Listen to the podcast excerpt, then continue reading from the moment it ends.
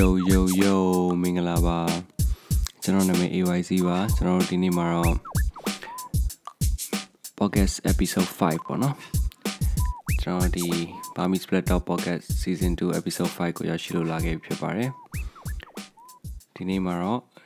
the Mesopotamian civilization ပေါ့နော်ကပ္ပဦးအစ civilization တစ်ခုရဲ့အကြောင်းကိုကျွန်တော်တို့ပြန်ပြောမှာဖြစ်ပါတယ်အမ်ပြန်သွားပြီးတော့ပြောရမယ်ဆိုရင် ဒီကပ္ပဦးစ civilization တစ်ခုဘယ်လိုဖြစ်လာလဲဆိုတဲ့အကြောင်းအနေစပြီးတော့ပြောရမှာပေါ့နော်ရှေးဂရိဘာသာစကားတွေထဲမှာအဲ့လိုမြစ်တေချာမှာရှိရဲ့ကုန်းမြေပေါ့နော်အဲ့လိုမျိုးအတိတ်ပဲရတဲ့မက်ဆိုပိုတေးမီးယားဆိုတဲ့ဒေသတစ်ခုဒီနေ့အာရှအနောက်တောင်ဘက်နဲ့မြေထဲပင်လယ်အရှေ့ဘက်သမုဒ္ဒရာတစ်လျှောက်မှာပြန့်နှံ့နေတဲ့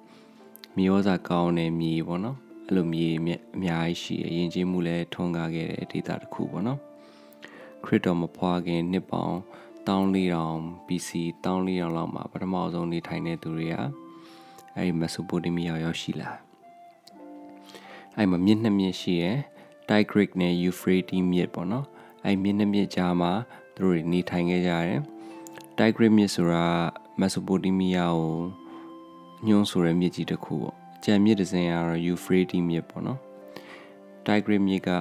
အာမေနီယန်ကုန်းမြင့်တောင်တန်းများနေပြီးတော့တောင်ဘက်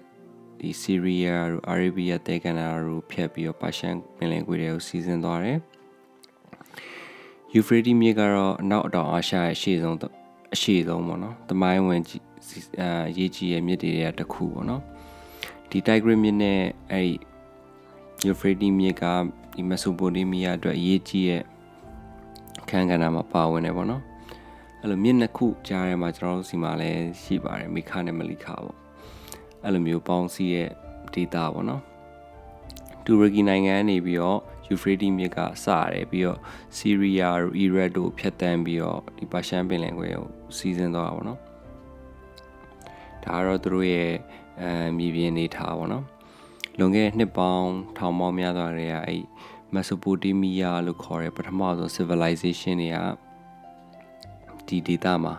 ခြေချပြီးတော့နေရာကောင်းတစ်ခုဖြစ်ခဲ့ပေါ့နော်အဲ့ပတ်ဝန်းကျင်မှာရှိရလူလူအုပ်စုတွေတိုင်းကသူတို့ရဲ့ culture နဲ့ data ကိုအရန်တန်ဖိုးထားကြတယ်ပြီးတော့ဒီအာဒီ data အကြောင်းမှာပဲချူချော်တိုက်ခိုက်မှုရှိတယ်ပြိပခါကြီးဖြစ်တယ်အဲ့ဒါတွေကိုတွန်းလှန်ပြီးတော့လဲအဲ့ data ရဲ့ အစီအစီနှစ်မြေစီလွှာတွေကနေပြီးတော့ပေါက်ဖွာလာအသီးနှံအနေနဲ့မက်ဆိုပိုတေးနီးယားမှာရှိရတဲ့အခြေချနေထိုင်သူတွေကရက်တည်နေထိုင်ခဲ့ကြရတယ်ပေါ့နော်ရှင်သန်မှုလုံလောက်တဲ့အရင်းမြစ်တွေရှိရပေါ့အဲ့လိုမျိုးရှေးခေတ်ဒီမက်ဆိုပိုတေးမီးယားစိုက်ပျိုးရေးနဲ့ကုန်သွယ်မှုမှာအင်အားကြီးနိုင်ငံတစ်နိုင်ငံဖြစ်ခဲ့ပြီးတော့ကမ္ဘာပေါ်မှာမြင်ဘူးသမျှဩဇာအရှိဆုံး empire တွေတခြားတခြားနိုင်ငံတွေ ပေါ့နော်အဲ့လိုမျိုးနိုင်ငံငယ်လေးလည်းဖြစ်ပေါ်စေခဲ့တယ်မက်ဆိုပိုတေးမီးယားရဲ့ယဉ်ကျေးမှုကတီထင်ဆန်းသက်မှုတွေကနေပြီးတော့အများပြားထွက်ပေါ်လာခဲ့ရဖြစ်တယ်ပေါ့နော်လူသမိုင်းပေါ်မှာဒီအရေးပါတဲ့တိုးတက်မှုတွေကနေပြီးတော့ထူးခြားအံ့ဩစရာတွေကောင်းနေသူတို့ရဲ့ယဉ်ကျေးမှုတွေကပေါ်ပေါက်လာတဲ့မက်ဆိုပိုတေးမီးယန်နေရဲ့တီထွင်မှုတွေလည်းအများကြီးရှိတယ်ဒီမက်ဆိုပိုတေးမီးယားဒေသကလူသားယဉ်ကျေးမှုအစနဲ့ဒီကဘာကြီးကိုပြောင်းလဲစေတဲ့အရာတွေကိုတီထွင်ထားနိုင်ခဲ့တယ် အဲ့ဒီထဲမှာကျွန်တော်သုံးနေတဲ့အချိန်အချိန်ကြီးတွက်တဲ့ဟာတွေဘိန်းလာအခုသုံးနေတဲ့ကားဘိန်းတို့ပါလို့မျိုးဘိန်းတွေတင်ချာတွေအဲချမ်းမြေပုံတွေပြီးတော့အဲစာရေးရဲ့စာရေးစာရေးခြင်းဟာပေါ့နော်စာရေးခြင်းဘယ်လိုပြောလဲဆိုတော့အဲစလုံးတွေပေါ့စလုံးတွေပြီးတော့ရွက်လေတွေတီထင်မှုတွေလည်းပါတယ် အဲ့ထဲကနေပြီးကျွန်တော်တို့အခုသုံးပြုနေတဲ့အချိန် unit ပေါ့နော်အချိန် unit ကိုမဆိုပိုမီယာမှာစပြီးတော့အသုံးပြုခဲ့ကြတယ်အာဂါသဒီသဘောတရားတွေကိုသူတို့ဘယ်လိုဖမ်းယူမလဲဘယ်လိုဖော်ညွှန်းမလဲဆိုတော့တွေးပြီးတော့အဲ့မဆိုပိုတေးမီးယားလူမျိုးတွေကအချိန်နဲ့တပြေးညီပြောင်းလဲခဲ့ကြတာပေါ့သူတို့ရဲ့အချိန် unit ကိုအပိုင်း60ဒီအပိုင်း60ပေါ့ second 60လို့မျိုးအဲ့ချက်တွေကိုခွဲခြားထားတဲ့ဟာကို ဟို Sega Sesame system အဲ့လိုမျိုးပြောမယ်ထင်တယ်တီထွင်တာပေါ့နော်အဲ့လိုမျိုးတီထွင်ထားတဲ့သူတို့ system တစ်ခုအဲ့ဒါနောက်ဆုံးမှာကျွန်တော်တို့ဒီ minute 60တနာရီ minute 60ဖြစ်ပေါ်ခဲ့တာပေါ့အခုကျွန်တော်တို့အသုံးပြုနေတဲ့24နာရီရာသီ24နာရီတို့ပြရာသီကွင်12ရာသီရှိတယ်အဲ့လိုအဲ့လိုဟာတွေကသူတို့စီကအမွေရတာပေါ့နော်ဒီမက်ဆိုပိုတေးမီးယားနေရာဒီဇိုးဒီဇိုင်းတွေကိုသူတို့ခင်မာတွေအသုံးပြုနေကြပြီအဲ့တော့သူတို့ရဲ့ဒီ ဒီအာဂါသနဲ့သက်ဆိုင်တဲ့ဟာတွေကလေးလာမှုလေးလာမှုအရန်ကောင်းနေပြီပေါ့နော်ပြီးတော့ဒီသူတို့ကဆက်ဝိုင်းပြက်ကတိန်တွေကိုလည်းတီထွင်နိုင်နေပြီအဲ့ချိန်မှာဒီမက်ဆိုပိုတေးမီးယားနေရာဆက်ဝိုင်းကိုအဲ့ဒီ360ဒီဂရီတိုင်းတာမှုတွေပေါ့နော်အဲ့မှာသူတို့ပထမအောင်ဆုံးသူတို့တီထွင်ခဲ့တာပိုင်းခြားနိုင်ခဲ့ဖြစ်တဲ့အတွက်ဒီခေတ်သင်္ချာတို့ geometry တို့ဘာတို့ ရဲ့အစဟောပြောမှုတစ်ခုအနေနဲ့ဖြစ်ခဲ့တယ်ပေါ့နော်နောက်ပိုင်းစနစ်အများစုရဲ့အခြေခံအုံမြင့်အဖြစ်လှုပ်ဆောင်နိုင်ခဲ့တယ်ဒီပြက်ကတိန်တွေတီထွင်တာဆိုရင်လည်းသူတို့ရဲ့အဲအချိန်တွေ date တွေအားလုံးကိုမလွဲမအောင်သူတို့ရဲ့တတ်မှတ်မှုသင်္ကေတနဲ့အတူတူတီထွင်နိုင်ခဲ့တယ်ပြီးတော့ဒီကျွန်တော်တို့ဒီအသက်တွေပါတယ်ဆိုလဲသူတို့အဲ့ချိန်မှာတွေကဘယ်နှစ်နှစ်ဘယ်နှစ် ဘယ်နှစ်ရက်ရှိပြီသူကတိုင်းတာနိုင်ခဲ့တဲ့အစီအစဉ်တွေပေါ့နော်အချိန်ရဲ့သဘောတရားတွေသူတို့အချိန်မှာကောင်းကောင်းနားလည်နေပြီဒါအဲပထမအဆုံးလူမှုအတိုင်းဝိုင်းပါတယ်တော်တော်လေးကိုအဆင်မြင့်လာတဲ့လူမှုတိုင်းဝိုင်း civilization တစ်ခုအနေနဲ့ဖြစ်လာခဲ့ပါတော့ပြီးတော့ကျွန်တော်တို့ဒီအသုံးပြုနေတဲ့ bane တွေ okay တွေအားရည်လည်းသူတို့တီထွင်နိုင်နေပြီမျိုးပြတွေလည်းနောက်ပိုင်းမှာတီထောင်လာခဲ့တယ် ဒီမက်ဆိုပိုတေးမီးယားနေရာ okay တွေအများအပြားထုတ်လုပ်တဲ့ပထမဆုံးလူတွေလို့ပြောလို့ရတယ်သူတို့က sorry okay နဲ့ဒီအုတ်တွေပေါ့အုတ်တွေနဲ့မျိုးတွေကိုတီထောင်နိုင်သူတို့ပြီးတော့ဒီကဘာပေါ်မှာအကြီးမားဆုံး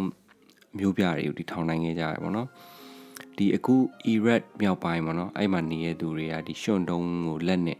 လက်နဲ့လှုပ်ပြီးတော့နေလှမ်းထားပြီးတော့အဲ့အဆောက်အဦတွေတိဆောက်တာပေါ့အဲ့မှာအဲ့ မက်ဆိုပိုတေးမီးယားနဲ့ရှေ့ချတယ်နေထိုင်ကြတယ်ဒီအဆောက်အဦတွေရဲ့အရွယ်အစားနဲ့တည်ငြိမ်မှုလိုမျိုးပေါ့နော်သူတို့သတ်မှတ်ထားတဲ့စံနှုန်းတွေရောရှိရပါဘောမှာဘယ်နှထပ်ပဲစောက်ရမယ်တို့အုပ်ဘယ်နှလုံးပဲသုံးရမယ်ဆိုတာမျိုးရောရှိရပါဘောအဲ့ရှေးအောင်စောက်ုံတွေကိုနောက်ဘယ်လောက်ထိအကြရှိခံလဲဆိုတော့နှစ်ထောင်စုနှစ်တစ်ခုလောက်ထိကိုသူတို့ဆက်လက်အသုံးပြုခဲ့ကြရပါဘောနော်ဒီအုတ်တွေတီထွင်နိုင်ပြီဆိုတော့နောက်ပိုင်းမျိုးတွေတဲကြပါဗျာအဲနှစ်ထောင်ပေါင်းများစွာပြီးရဲ့အခါမှာတော့ဒီ PC ပထမထောင်စုနှစ်အလယ်လောက်မှာမီးဖို့တွေနဲ့အုပ်ဖို့လုပ်ငန်းတွေကပုံမခိုင်ခန့်လာတယ်ပြီးတော့ပုံစံတူအုပ်တွေအစုလိုက်ပြုံလိုက်ထုတ်လုပ်တဲ့နီလန်ကိုအသုံးပြုလာကြတယ်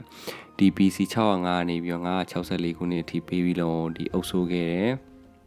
ဘယင်ပေါ့နော်သူဘယင်ရဲ့ကျန်းစာမှာမှတ်တမ်းတင်ထားတဲ့ဒီသူတခြားနိုင်ငံတွေကိုသိမ်းပိုက်နိုင်ခဲ့တဲ့ဟာမှာဆိုရင်သူ့ရဲ့ ဒီမိဖို့ထုတ်လုပ်တဲ့လုပ်ငန်းပေါ့နော်လုပ်ငန်းကသူဘယ်လောက်ထိကုန်ယူလဲဆိုသူကအဲ့လုပ်ငန်းရဲ့နာယကလိုမျိုးပေါ့အကြီးအကဲအနေနဲ့သူကရှိနေရဆိုတာမျိုးအဲ့လိုမျိုးသူ့ရဲ့နာမည်တွေအဲ့လိုမျိုးစာတန်းအနေနဲ့ကြီးထိုးထားပြီးတော့ဒီအုတ်ထောင်ပေါင်းများစွာကိုဖန်တီးခဲ့ပေါ့နော်ဒီပြီးတော့နောက်ပိုင်းမှာအုတ်တွေတီချောင်းလာနိုင်ပြီအုတ်တွေအထုတ်နိုင်ပြီဆိုမျိုးတွေတီးတယ်မျိုးတွေတီးတဲ့အခါမှာဒီလူသားတွေရဲ့အဲ ဒီနေရာအနှံ့မှာရှိရဲ့အစိတ်ပိုင်းတွေဖြစ်လာပေါ့နော်မျိုးတွေကဒါပေမဲ့တဘာဝတရားရဲ့ပြောင်းလဲမှုရှိရင်ပြီးတော့ဒီအဲ့တော့ခြေသလုံးအိမ်တိုင်းတွေရမ်းများတဲ့အချိန်မှာအဲ့ခြေသလုံးအိမ်တိုင်းတွေကိုကြီးမားတယ်လို့လူအုပ်စုကြီးအဖြစ်ပြောင်းလဲပြီးတော့ပြောင်းလဲဖို့တွန်းအားပေးပြီးတဲ့အခါမှာမျိုးတွေကပေါ်ပေါက်လာပါတော့ဒါပေမဲ့အဲ့လိုအပ်ချက်တွေကြောင့်ပဲသူတို့ကိုယ်တိုင်ပေါ့နော်သူတို့ကိုယ်တိုင်ဒီရာသီဥတုပြောင်းလဲလာဖြစ်တဲ့အခါကျတော့ သူတို့ကိုယ်တိုင်မျိုးတွေတီလာတယ်ပြီးတော့သူတို့ကိုယ်တိုင်အခြေချနေထိုင်လာတယ်ပြီးတော့ဒီနေ့ခေတ်ပေါ့နော်အခုလက်ရှိကျွန်တော်နေထိုင်နေတဲ့ခေတ်ရဲ့မျိုးပြလူနေမှုဘဝတွေလူနေမှုစရိုက်ပုံစံဒီ urban lifestyle တွေကလည်းအဲအခက်ခဲရှိရပါတော့အဲ့ခက်ခဲတွေကလည်းဒီဒီမဆိုပိုတေးမီးယားရဲ့မွေးဖွားခြင်းအစเนาะအဲ့အစအနေနဲ့ဖြစ်တည်ခဲ့ရပါအဲပြီးတော့တဖြည်းဖြည်းသူတို့ဖွဲ့စည်းထားတဲ့ အစိုးရတွေပေါ့နော်ပြီးတော့ဥပဒေချမှတ်တာရှိမယ်အဲပြီးတော့လူမှုရေးနဲ့ဆိုင်တဲ့အဲအစင်တန်းခွဲကြတဲ့အထက်တန်းလွှာအလဲလက်တန်းစားအောက်ခြေလူရန်စားလိုမျိုးဟာတွေလည်းအစာပြူလာပြီအဲ့မှာပို့ပြီးတော့ကြီးရဲ့လူအုပ်စုတွေကသူအတူတူနေကြရပေါ့အဲမြို့ကြီးတွေထဲမှာသူအိမ်တွေပါမယ်ဖျားเจ้าတွေပါမယ်အဲပြီးတော့ပြည်သူဥယျာဉ်တွေ ဥယျာဉ်တွေပါမယ်ရောင်းဝယ်လုပ်တဲ့နေရာ market place တွေပါမယ်အုပ်ချုပ်ရေးစင်တာတွေပါမယ်စောက်လုပ်ကြပါဒါပေမဲ့တော်တော်များများကတော့ဒီပတ်ဝန်းကျင်မှာရှိရဲ့အဲမြေတွေပေါ့နော်မြေတွေမှာတော့ဒီမြို့သူမြို့သားတွေဒီလေယာတွေ site တယ်ပြီးတော့စာနံရိတ်ခါထုတ်တယ်ပေါ့နော်အဲ့ဒါကိုအဓိကအသုံးပြုပြီးတော့လေယာ site ပြိုးတွေကိုသူတို့အဓိကထားကြတာပေါ့အကြီးကျယ်ဆုံးမက်ဆိုပိုနီးမီးယားမြို့ဟာသူ BC 1800ဝန်းကျင်မှာစတင်ခဲ့ဒီလူတိုင်းသိရဲ့ဘေဘီလုံဘေဘီလုံမြို့ပေါ့နော် သူကအဲ့မှာဒီအင်အားကြီးမားတဲ့မြို့ပြနိုင်ငံဖြစ်လာဖို့အတွက်နယ်နိမိတ်တွေကိုဒီချဲ့ထွင်ခဲ့တာပေါ့နော်အဲ့မှာဒီရှေးကဘာအံပွဲခုနှစ်ပါးထဲမှာပါတဲ့ဟာပေါ့နော်အဲ့ဒီ Hanging Garden of Babylon ဆိုတာအဲသူဘယင်ကနေပြီးတော့သူမိန်းမအတွက်ပေါ့နော်သူဇနီးအတွက်တိဆောက်ခဲ့ဥယျာဉ်ကြီးပေါ့အဲ့လိုမျိုးမြေဘယ်လိုပြောမလဲမိုးပေါ်ပြန်တဲ့ဥယျာဉ်ကြီးပေါ့အဲ့လိုမျိုးအဆောက်အဦကြီးနဲ့ဥယျာဉ်ကြီးတိဆောက်ထားပေါ့ ပြီးတော့ဒီတမိုင်းရဲ့ဒီအရေးကြီးဆုံးတည်ထွင်မှုတွေလို့ပြောရမယ်ဆိုရင်အဲဒီ BC 4000စုခုနှစ်ရဲ့နောက်ဆုံးတစ်ဝက်မှာရေးထားခဲ့စကလုံးတွေရဲ့ဏီဒန်းနဲ့ဒီစကလုံးတွေအစပေါ့နော်ဏီဒန်းနဲ့ဒီဖွံ့ဖြိုးမှုလို့ပြောရမှာပေါ့သူတို့စကလုံးတွေစပြီးတော့ဒီထွင်လာနိုင်နေပြီစာသားရတပ်ပုံတဒံပေါ့နော်တပ်ပုံတွေသူတို့အတိတ်ပဲတွေကိုကောက်နှုတ်နေပြီးစလုံးတွေရေးဖို့အတွက်ဒီအသုံးပြုတဲ့ကရိယာကိုသူတို့က uniform လို့ခေါ်တယ်အဲ uniform ကို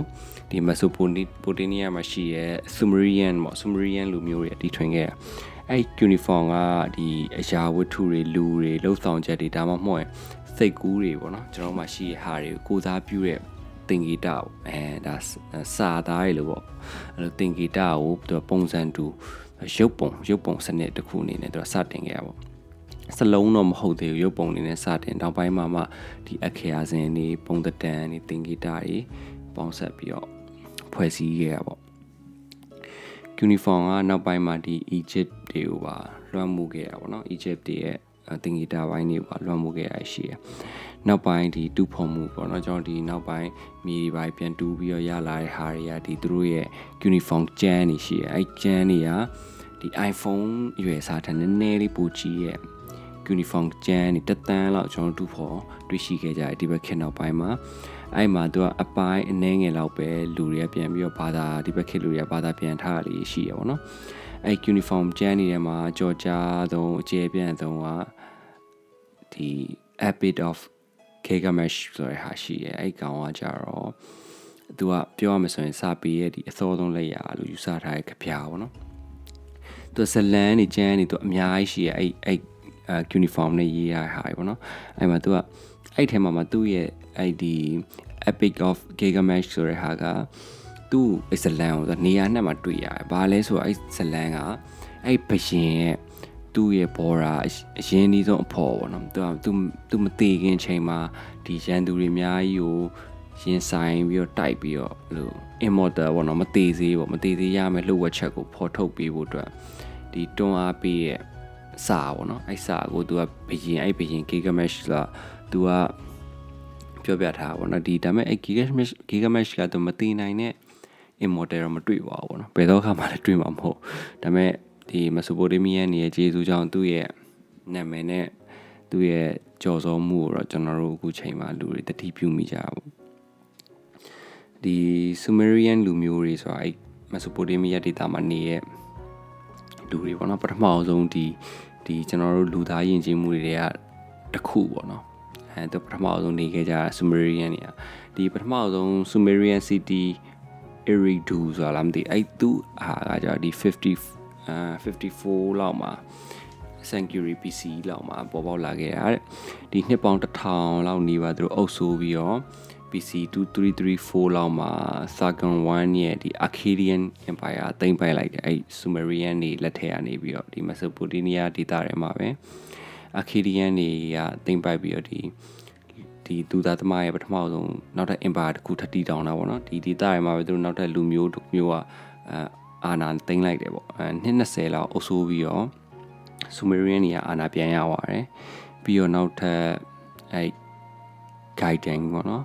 guiding လူမျိုးစီရောက်သွားတယ် guiding ဆိုတာကတော့အဲ့လိုပေါ့တယ်မလားလူရိုင်းနေပေါ့ဗျာလူရိုင်းနေဆိုတော့အမေမူယူပြီးတော့အဲ့အဲ့လိုတောင်းညမ်းနေတဲ့လူရိုင်းနေအဲ့သူတို့လက်ထက်ရောက်သွားတဲ့အခါမှာကျတော့ဒီ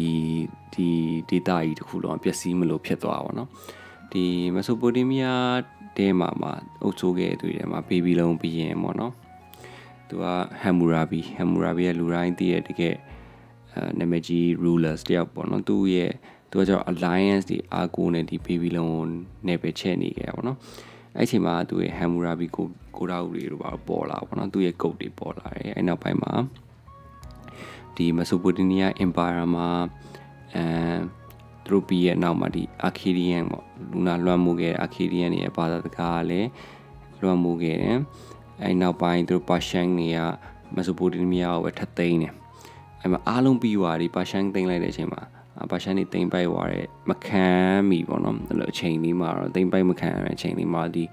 သူတို့ရဲ့မှတ်တမ်းတွေယဉ်ကျေးမှုမှတ်တမ်းတွေသူတို့ဆက်သွယ်အသုံးပြုတဲ့ဟာတွေသူတို့ရဲ့ခုနစာပေတွေကျမ်းဂန်တွေအဲ့လိုမျိုးဟာတွေကိုသူတို့ရဲ့တွင်ပြင်လက္ခဏာတွေပေါ့နော်ဒီ data တွင်သူတို့ရဲ့ယဉ်ကျေးမှုတွေအားလုံးကိုဒီဟိုပါရှိုင်းနေရသွားပေါ့အဲ့ချိန်ကနေပြီးတော့အဲဒီ Mesopotamia data ရဲ့ civilization ကအဲ့လိုဖြစ်ခဲ့တာပေါ့အဲဒီ data အခုဆိုရင်ဒီအဲပြန်ပြောမှဆို first civilization in the world ဖြစ်တယ်ပေါ့နော်ကမ္ဘာပေါ်မှာပထမဆုံး civilization အခုလက်ရှိတည်နေရဆိုရင်ဒီ Iraq တို့ Syria တို့ Turkey တို့ရှိတဲ့ data တွေပေါ့အဲဒီဒီအကြောင်းကိုဘာလို့ပြောပြလဲဆိုတော့ကျွန်တော်လည်းဒီနေ့ စိတ်ဝင်စားတော့ like ဖတ်နေနေအဲ့ဒါကျွန်တော် podcast လေးမှာလည်းပြောရင်ကောင်းမယ်လို့ idea ရပြီးတော့ပြောပြတာပါအဲ့တော့အာနောက်ပတ်ဒီလည်းကျွန်တော်ဒီ civilization တွေအကြောင်းကိုထပ်ပြီးတော့ podcast ထဲမှာထည့်ပြီးတော့ပြောပြဖို့ရှိပါတယ်အဲကြရင်လည်းနားထောင်ပြကြပါအောင်ကျွန်တော်ရဲ့ဒီနေ့ podcast episode 5 and that the first civilization in the world ပေါ့နော်ဒီမက်ဆိုပိုတေးမီးယားနေရဲ့အကြောင်းတော့ဒီလောက်နဲ့ပဲရှင်းလာလိုက်ပါတယ်အားလုံးပဲပျော်ရွှင်ချမ်းသာ စိတ်ချမ်းသာစွာနဲ့ရွေးရှားနိုင်ကြပါစေ okay let's go